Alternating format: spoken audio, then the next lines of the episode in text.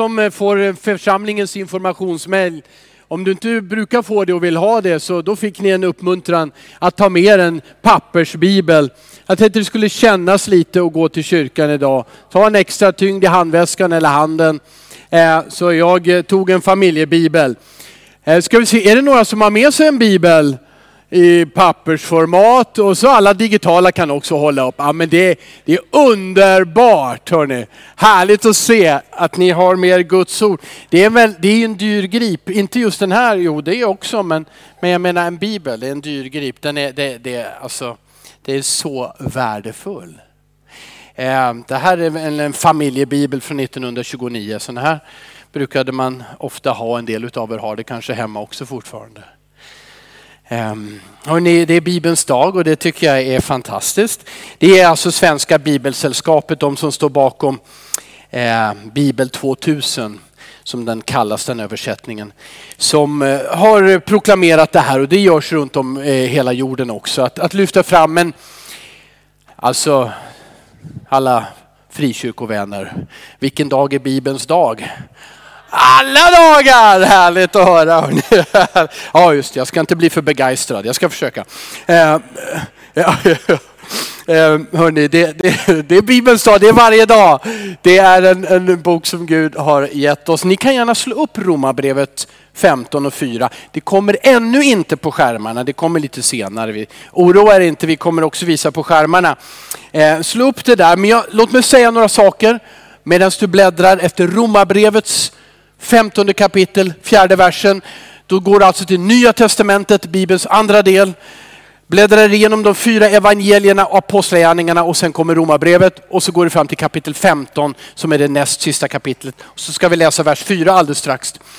Eh, ja, det här är ju det som är fördelen med det teknologiska och digitala. Det går ju så oerhört snabbt så att säga.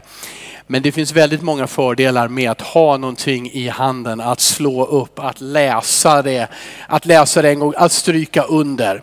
Eh, låt mig säga några saker. Bibelns ord är mat för själen. Bibelns ord är ett ljus i mörkret. Bibelns ord renar och förvandlar. Bibelns ord förmedlar frälsning. Bibeln vittnar om Jesus Kristus. Bibeln är lärans grund, den kristna lärans grund. Bibelns ord består när allt annat förgår. Bibelns ord får inte ändras. Det är bra att ni fångade upp verserna 7 to 11, där 7 till 11. Eh, Bibelns ord får inte ändras. Bibeln är inspirerad av Gud. Och Bibeln är given till oss för att läsas. Paulus skrev så här, ännu inte, jo nu, då, då har vi Romarbrevet nu. Romarbrevet 15 och 4 och nu kan vi också ha det på skärmarna. Paulus skrev, allt som har skrivits tidigare är skrivet till vår undervisning. För att vi ska bevara vårt hopp genom den uthållighet och tröst som skrifterna ger. Där har du det. Bibeln är given för att läsas. Jag citerar snabbt också Saltarens första kapitel. Det är mitten av Bibeln. Då kommer du till salmen 118 och sen så bläddrar du till första kapitlet, Saltaren 1. Och så citerar jag de två första verserna. För det inleds med smått otroliga löften till varje människa som läser Bibeln och tar det till sig. Det står att den personen har sin glädje, den som har sin glädje i Herrens undervisning och begrundar hans ord både dag och natt är salig, det vill säga lycklig. Som, han är som ett träd planterat vid vattenbäckar som bär sin frukt i rätt tid och vars löv inte vissnar och allt han gör det lyckas väl. Jag sa det, det är smått otroliga löften för den som dyker in i Guds ord och vill göra det till sitt. Bibeln är given till oss för att läsas. Den eh, pionjären bland författarna eller bland de som skrev, det var ju Mose. Ni vet att Bibeln skrevs naturligtvis länge inte på, på papper. Eh, utan det skrevs på pergament framför allt. Delvis också på papyrus, okej, okay. det är nästan papper. Eh, Mose den stackaren han fick skriva på stentavlor. Nej jag skojar. Det, det, gjorde han ju inte för det står faktiskt att Gud skrev åt honom och gav honom stentavlorna. De tio budorden. Men det här är, var ungefär 1500 före Kristus. Och sen så är det ett 40-tal människor, författare, som vi kan läsa om. De flesta vet vi en hel del om, någon enstaka vet vi nästan ingenting mer om än namnet. Eh, fram till 90 år, 90, år 90 efter Kristus så skrevs Bibeln. Eh, det finns massor med urgamla kopior eller manuskript med stor trovärdighet utav Bibeln. Det är en kulturskatt i västvärlden. Den ligger till grund för mer i vårt samhälle än de flesta fattar. Det var många av oss som läste lite ovanliga bibelställen och sammanhang under den här veckan när vi var med på läsningen. Men så glimmar det till och man märker, wow, det, det här, Sveriges lagar, det, alltså man ser ju var det kommer ifrån. Så mycket i vår kultur. Och det finns eh, vacker poesi. Det finns eh, intressant historia. Det finns någonting för alla. Jag tror att alla som läser Bibeln, de gör det med, med stor behållning. Och det är inte, inte för inte som Bibeln är världens mest sålda och lästa bok genom alla tider och fortsätter att vara så. Det finns ingen bok i så många utgåvor och kopior som Bibeln runt om världen. Och det här är alltså trots att Bibeln ofta förlöjligas. Trots att man hävdar att det är en sagobok. Trots att eh, Bibeln har förbjudits i länder och stora sammanhang som Sovjetunionen delvis på den tiden. Eller Kina. Och trots att den ofta har bränts och människor har slängts i fängelse som har gett en bibel till en annan person. Trots det här så eh, finns det ingen bok i hela världen i så många utgåvor och kopior som Bibeln.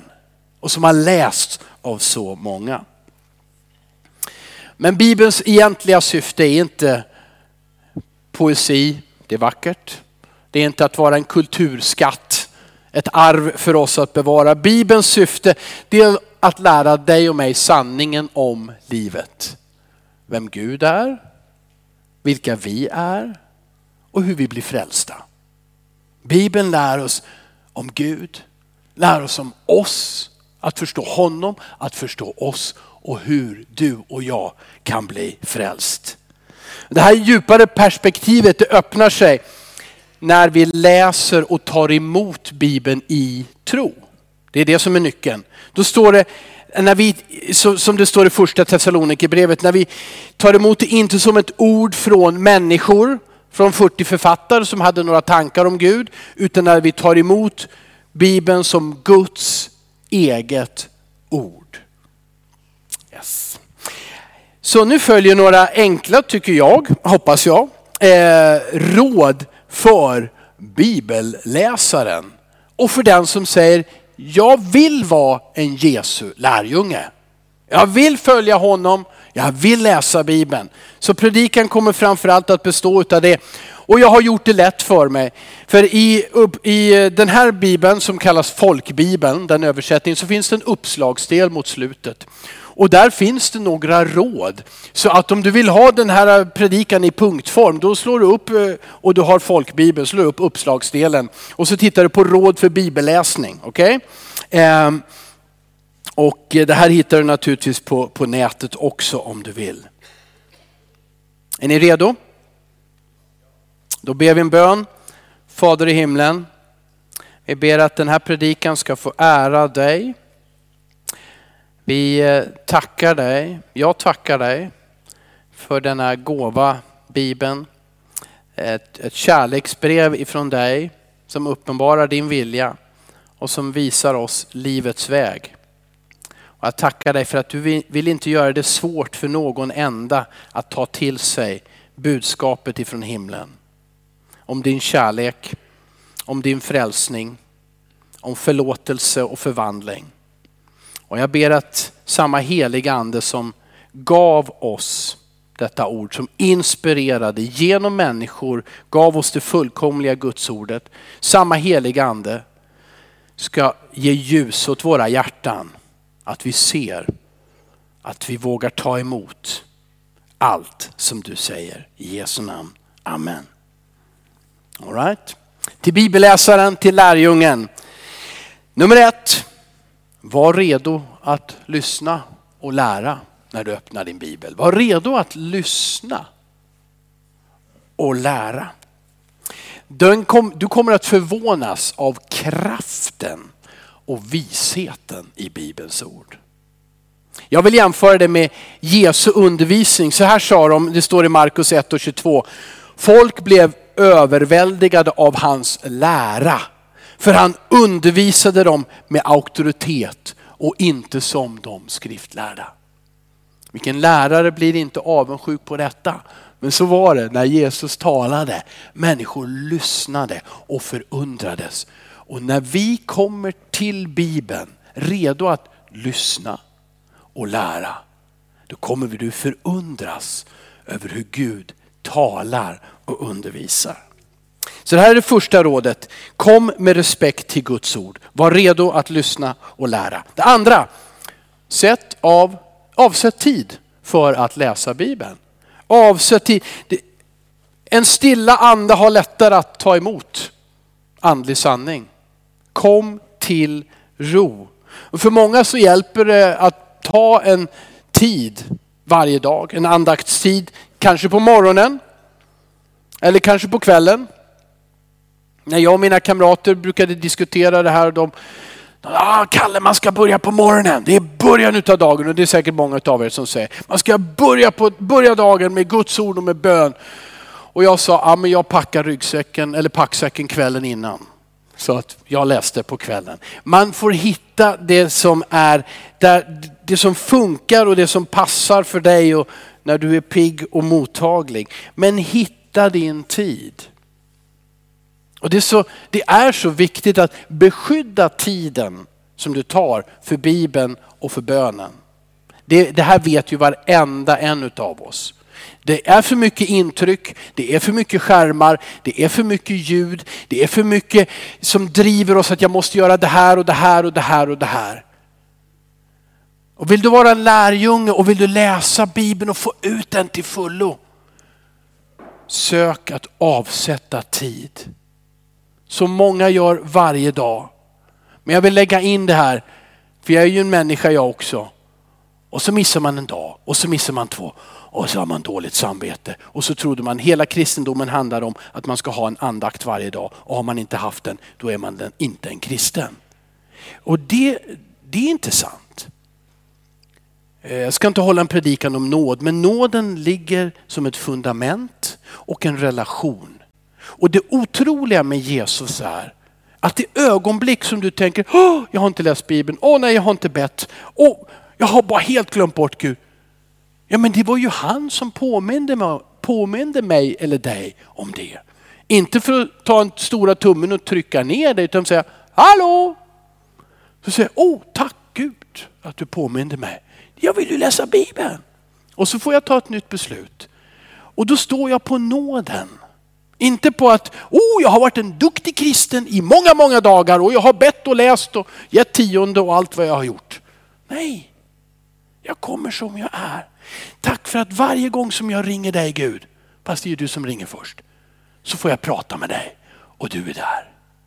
Och finns det ett problem mellan mig och Gud i den där situationen, då är det ju inte annat än när jag gör det som Bibeln säger, då bekänner jag min synd.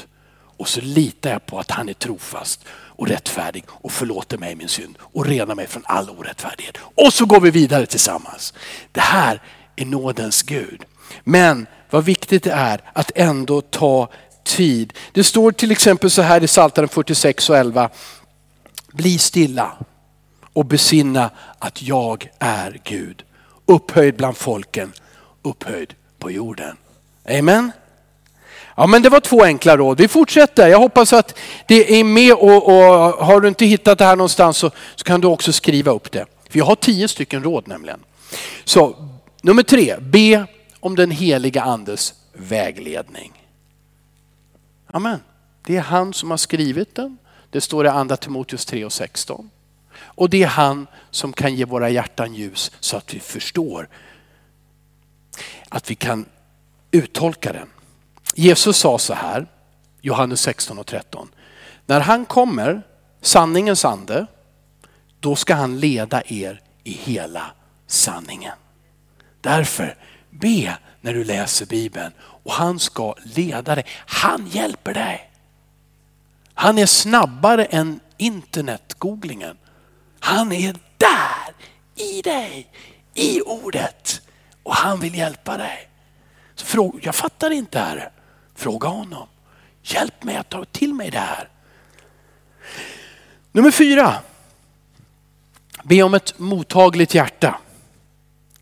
Jesus ger oss en liknelse i Matteus 13 om, den, om en såningsman, en lantbrukare som kastar ut säd för att så. Och det står att en del av de här fröna hamnade på vägen eller vägkanten. En del hamnade på, den, på stenig, hård, torr mark. Och annat hamnade bland tistlar. Och till sist också en del av frönen hamnade i jorden. Det var en väldigt oförsiktig såningsman det där. Så är Jesus. Han vill att varje människa ska bli frälst. Han vill att du och jag ska vittna för alla. Faktiskt enligt Bibeln även berätta för dem som inte verkar vilja höra. Få ut biblar, få ut vittnesbörd om Jesus. Såningsmannen, Guds ord, han sår. Men om det faller bland tistlar, om det faller på stenig mark, om det faller, kornen faller direkt på vägen, vad händer? Det kanske finns en viss begeistring där som Jesus säger, men det torkar ut och blir ingen växt. Men det som faller i god jord, det växer och ger en skörd 30 och 60 och 100 falt. Hoppas jag citerade rätt nu. Hur många gånger? Be för ditt hjärta att det är mottagligt. Kanske vill du använda en sån här bön ur Bibeln. Salmen 119, vers 18 säger Öppna mina ögon så att jag ser undren i din undervisning. Ska vi be det här tillsammans? Du som vill, vi ber det här tillsammans. Öppna mina ögon så jag ser undren i din undervisning. I Jesu namn, Amen. Ge mig ett öppet hjärta för ditt ord Herre. Ett femte råd det är att läsa systematiskt. Eh, och här kan vi ha lite olika personligheter som också påverkar hur vi umgås med detta. Men Bibelns böcker hänger ihop på ett, mäkt, på ett mäktigt sätt. Okej? Okay? Och en slumpvis läsning lite här och där. att ah, idag, oh, kolla där, ja, det här var konstigt. Ah, ja. Läs något annat imorgon, kolla där, aha, ja, ja, ja, intressant.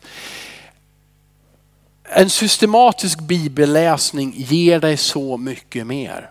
För Gud har en tanke. Det finns verkligen en röd tråd genom Bibeln.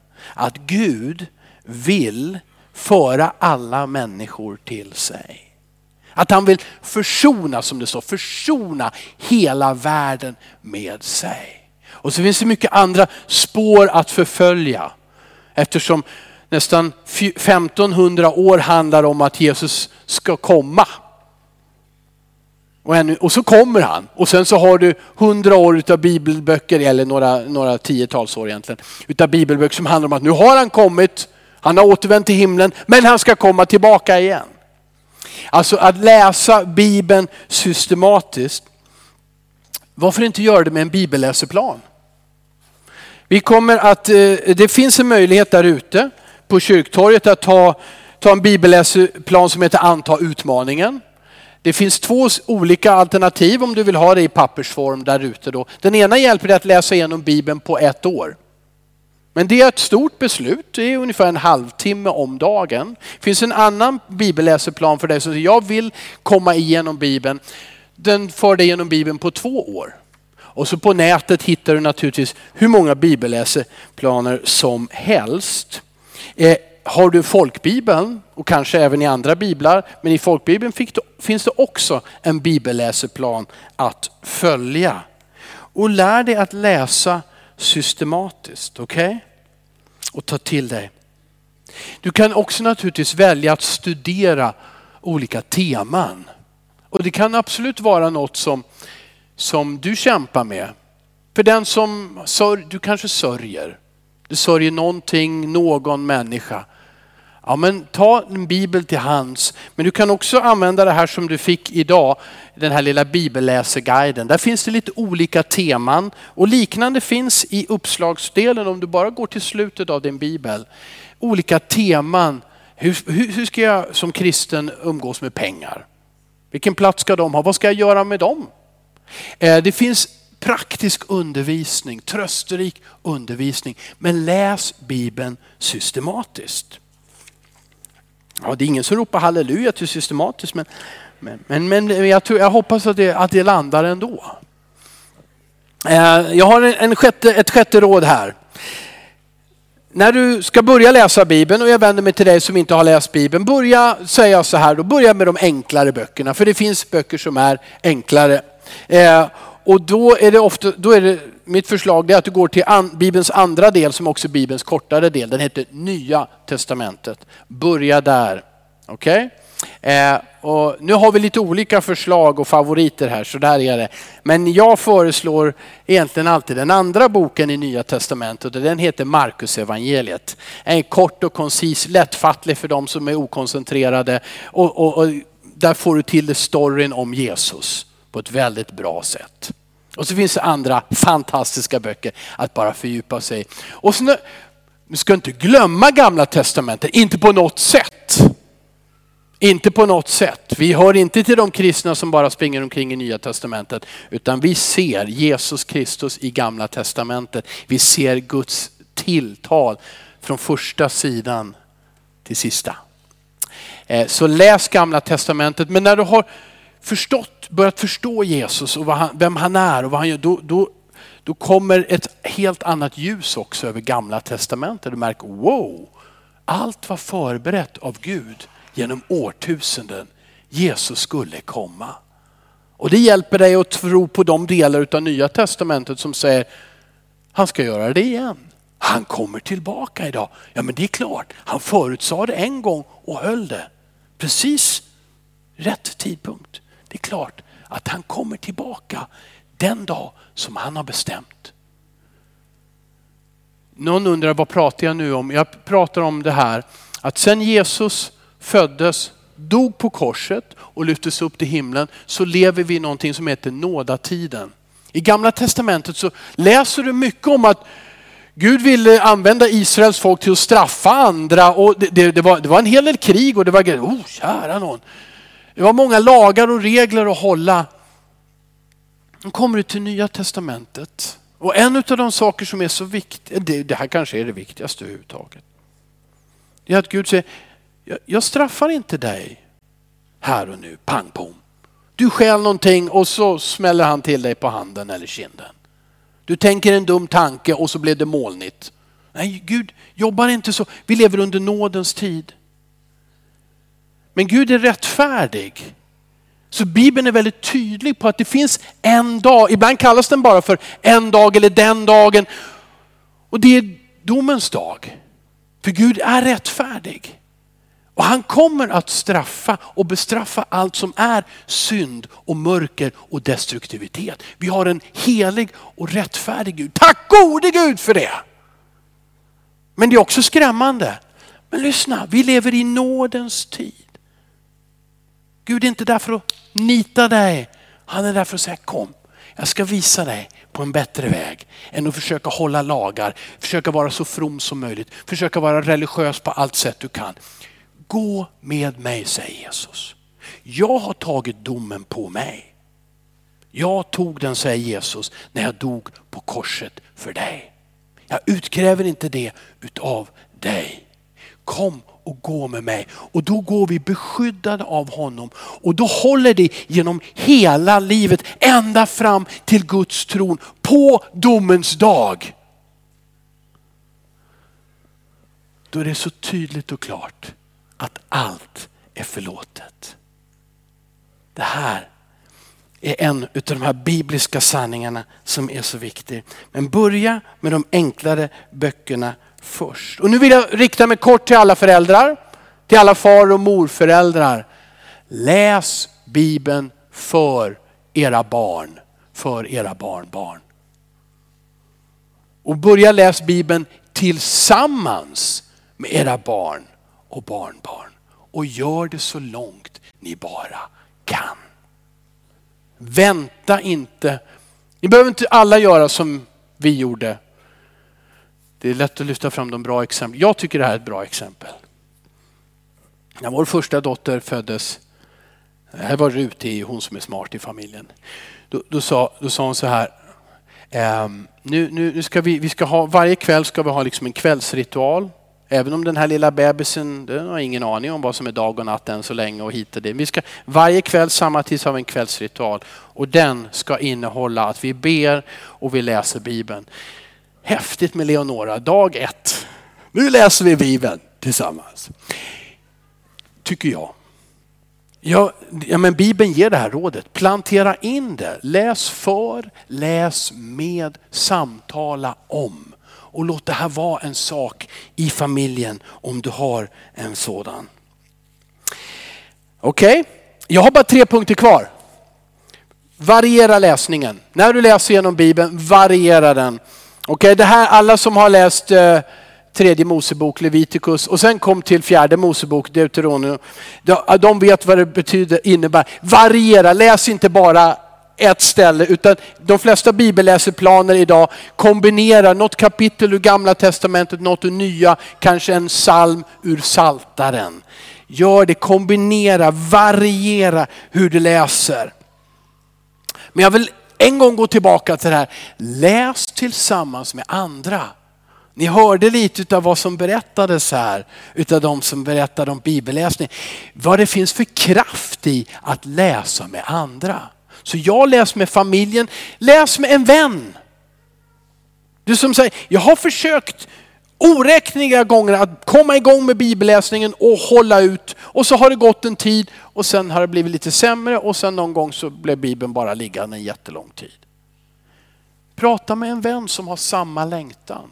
Du behöver ju öppna upp ditt hjärta lite grann. Så jag läser inte bibeln så ofta. Jaha, gör du inte det? det, är, det, det jag tror inte din vän säger så. Många kommer säga, ja men ska vi läsa tillsammans? Ja men hitta en, eller en hemgrupp, en grupp av troende. Möts i ett hem, möts på en plats och säger vi läser ett kapitel och så pratar vi om det. Och det finns, det finns någonting, och det här hittar du på nätet som heter upptäckar bibelstudier. Upptäckar bibelstudier. Då har du sex stycken väldigt relevanta frågor som du ställer i grupp vad är det vi har läst? Vad säger det här liksom? Vad gör vi med det? Och så ber vi för varandra.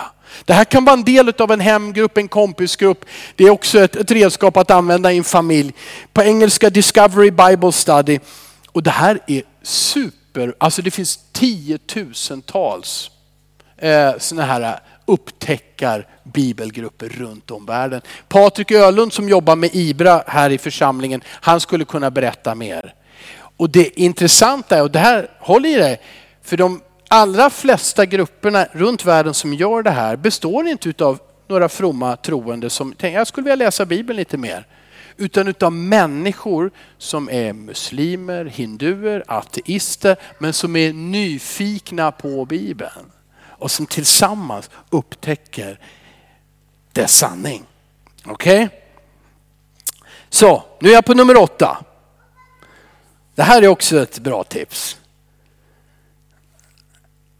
Lär dig viktiga verser utan till. You can do it! Lär dig viktiga bibelverser utan till. Det kan vara ord av tröst. Det kan bli så viktigt för din själ när du går genom olika tider. Att bli påmind. Ja just det, så här Det heter till exempel just i det sammanhanget att jag är all trösts Gud. Alltså Gud är tröstens Gud. Ehm, det här är en förmån i vardagslivet när vi möter svårigheter.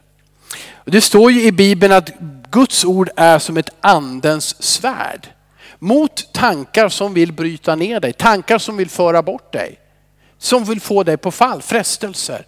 Att precis som Jesus, när han mötte frestelserna, när vi läser om det i Lukas kapitel 4, så bemöter du det som är svårt och utmaningar med Guds ord. Lär dig bibelverser utan till. Eh, du kan göra så här, du kan sätta upp små lappar som påminner dig om Bibelns löften. Det är bara att ta papper och penna och skriva och klippa och lite tejp och sätta på en spegel eller sätta på en viktig plats. Eller i mobiltelefonen, du som använder det mera digitala. Se till att det finns påminnelser och, och att du hittar det där lätt. Eh, om du vill, så, några stycken av er kan få, vi har, tog hem några stycken, här, det kallas för mannakorn. Men, men nu har vi inte den lilla storleken, nu har vi lite större lappar och där står en hel bibelvers. Finns där ute på receptionen för de 25 första. Sen är det slut. Okej? Okay? Per säger, du kan, om du inte har något annat papper så tar du en toarulle och så skriver du upp bibelversen på den. Åh, oj, oj, oj, det var ännu bättre. Ja men då så, då säger jag vad Per säger. Eh, lappen som du klistrar upp, sätt den på toapapperrullen eller bredvid eller väldigt, någon plats där du är väldigt ofta. Det är det det handlade om. Okej? Okay? Och där du sitter och inte vet vad du ska göra. Och inte behöver ha med mobilen hela tiden. Bibelvers. Du kan lära dig utan till. Eh, jag vill bara ge tips om en teknik som jag har använt för jag är rätt så trög. Och, och då är det så att då har jag skrivit upp en bibelvers. Och sen så, så läser jag den. Och sen stryker jag över ett ord. Jag tar något enkelt ord. Jag stryker över Jesus till exempel. Oh, förlåt. Ja, men, det, det, men det är ju lätt att komma ihåg liksom. Eller ty så, mm, Gud världen. Aj, vad var det? Vilket ord hoppade jag över? Älskade, men det vet ni ju redan. Ni kan ju det här. Men det här är för mig en teknik och så till slut så har jag strukit över alla orden och så kan jag läsa alltihopa. Det är, jag tycker det är en enkel och bra teknik att lära sig bibelverser utan till. Små lappar och en gång till. Varför inte ta en vän och säga, ska vi lära oss ett par bibelverser utan till? Varför inte lyfta det i din hemgrupp, i, i någon annan grupp som du är i. Säga, ska, vi, ska vi lära oss en, en, försöka lära oss till nästa vecka en bibelvers? Alla går hem, vi utmanar varandra lite grann. Vi hjälper och uppmuntrar varandra. Lär dig Bibeln utan till. Det här blir ett förråd som den heliga ande kommer att använda på det häftigaste av sätt. Både för att uppmuntra dig och för att använda dig. Okej? Okay? Nu har jag bara två råd kvar, så håll i det nu. Ta till dig Guds ord personligen. Det är skrivet till dig från den Gud som såg dig innan du ens var född. Hallå? Innan du ens var född så såg Gud dig och han har skrivit till dig. Ta emot det personligen och, och, leta efter beröringspunkter i ditt eget liv. Det är inte alltid så lätt när du är i gamla testamentet för vissa lagar och hitta beröringspunkter i ditt eget liv. Men det finns massor med bibelställen som är så lätta att applicera, ta till sig i din vardag. Så att det får påverka dina tankar, dina prioriteringar och dina värderingar. Och här vill jag också säga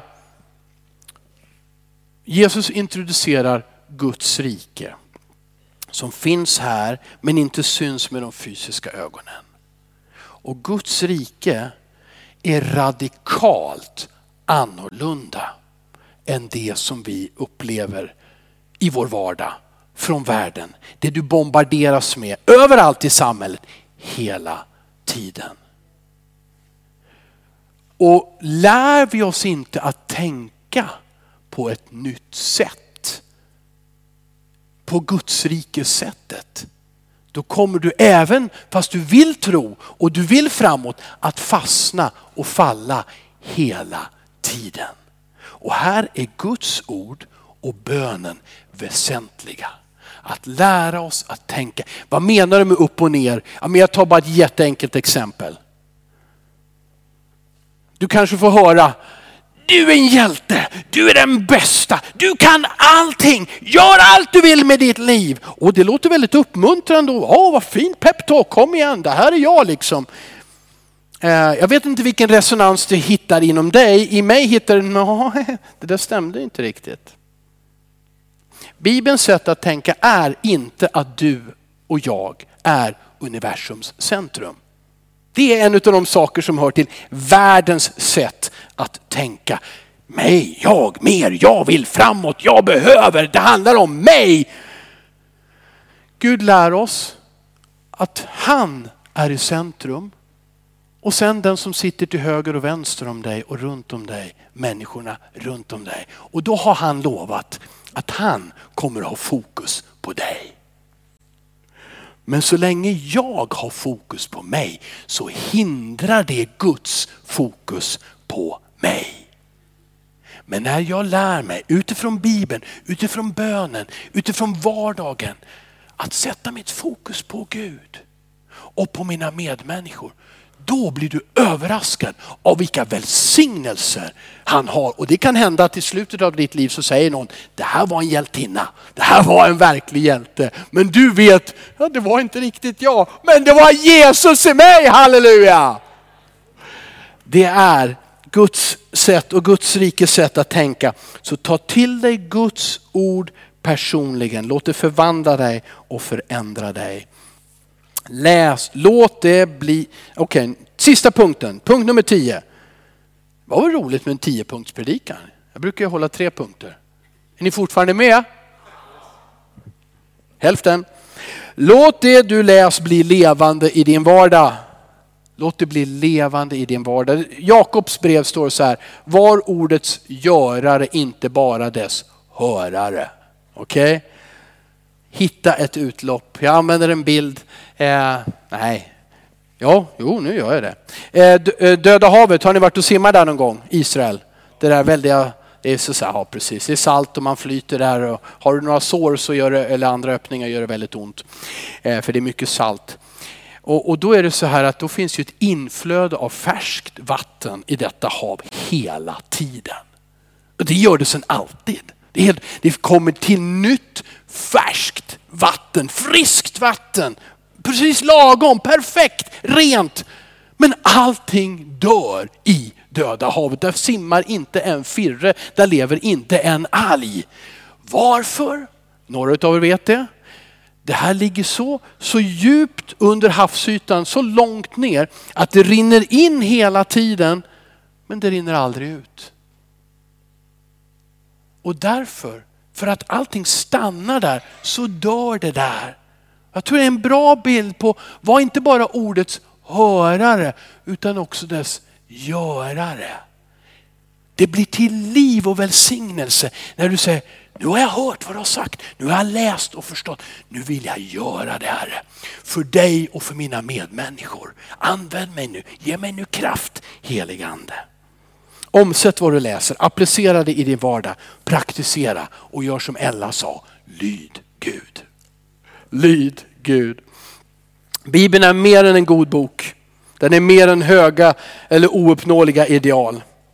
Den är given, står det i andra Timoteus 3 och 17. Den är given så att gudsmänniskan, man och kvinna som tror på Jesus, så att gudsmänniskan blir fullt färdig, mogen, väl rustad för varje god gärning. Du säger att Gud har en plan. Det är inte för inte. Han vill frälsa oss, därför ger han oss det underbara budskapet. Men han vill också genom dig och mig att vi ska handla rätt mot varandra i goda gärningar mot honom. Och det här sker när vi ger oss till Jesus och hans ord. Här, det var mina tio, tio bibel, nej vad säger jag, mina tio råd, men de var inte mina utan du har dem i folkbibelns uppslagsdel om du tittar efter där. Okej? Okay? Till dig som bara, vill vara en bibelläsare, till dig som vill vara en Jesu lärjunge, till dig som vill vara som ett träd som är planterat vid vattenbäckar och bara suger upp nytt vatten. Till dig som vill lyckas väl i livet. Vad vill du omsätta av vad du har hört idag? Kanske i predikningar, kanske i vittnesbörd, kanske tilltal under sången. Vad vill du omsätta i relation till Guds ord, till Bibeln i din vardag.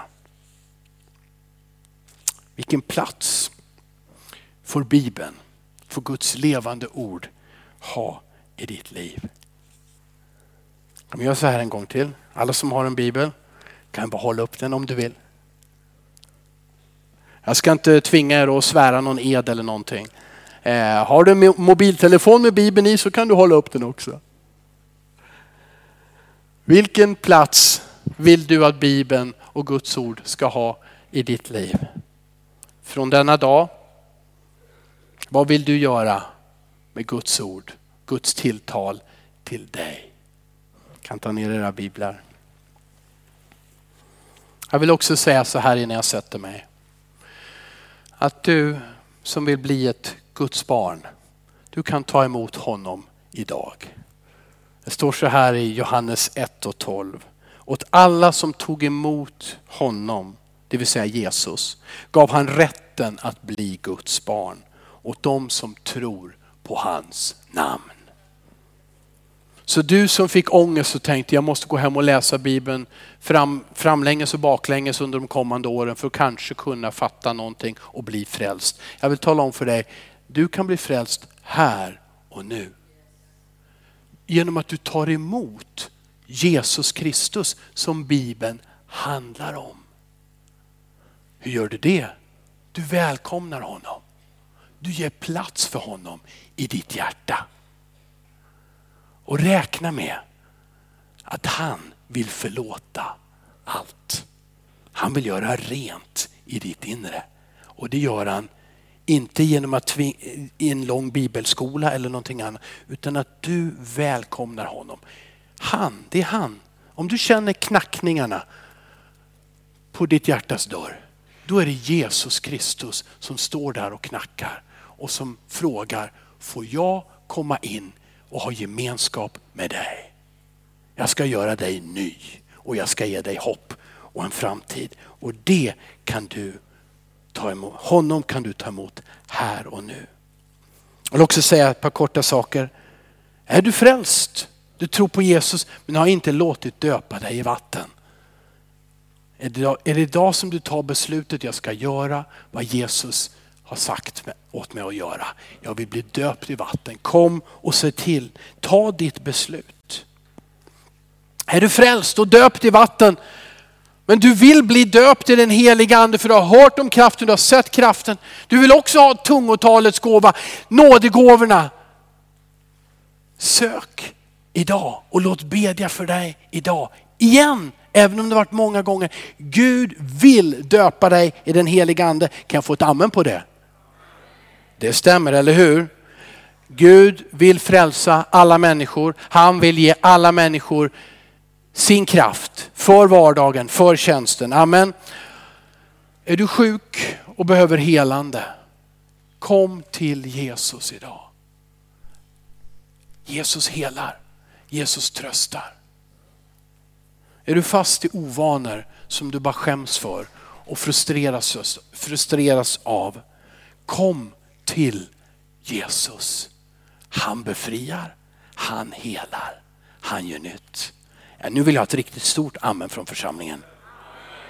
Amen. Och då ska jag sätta mig ner. Jag ber lovsångsteamet att komma och vi tar en tid där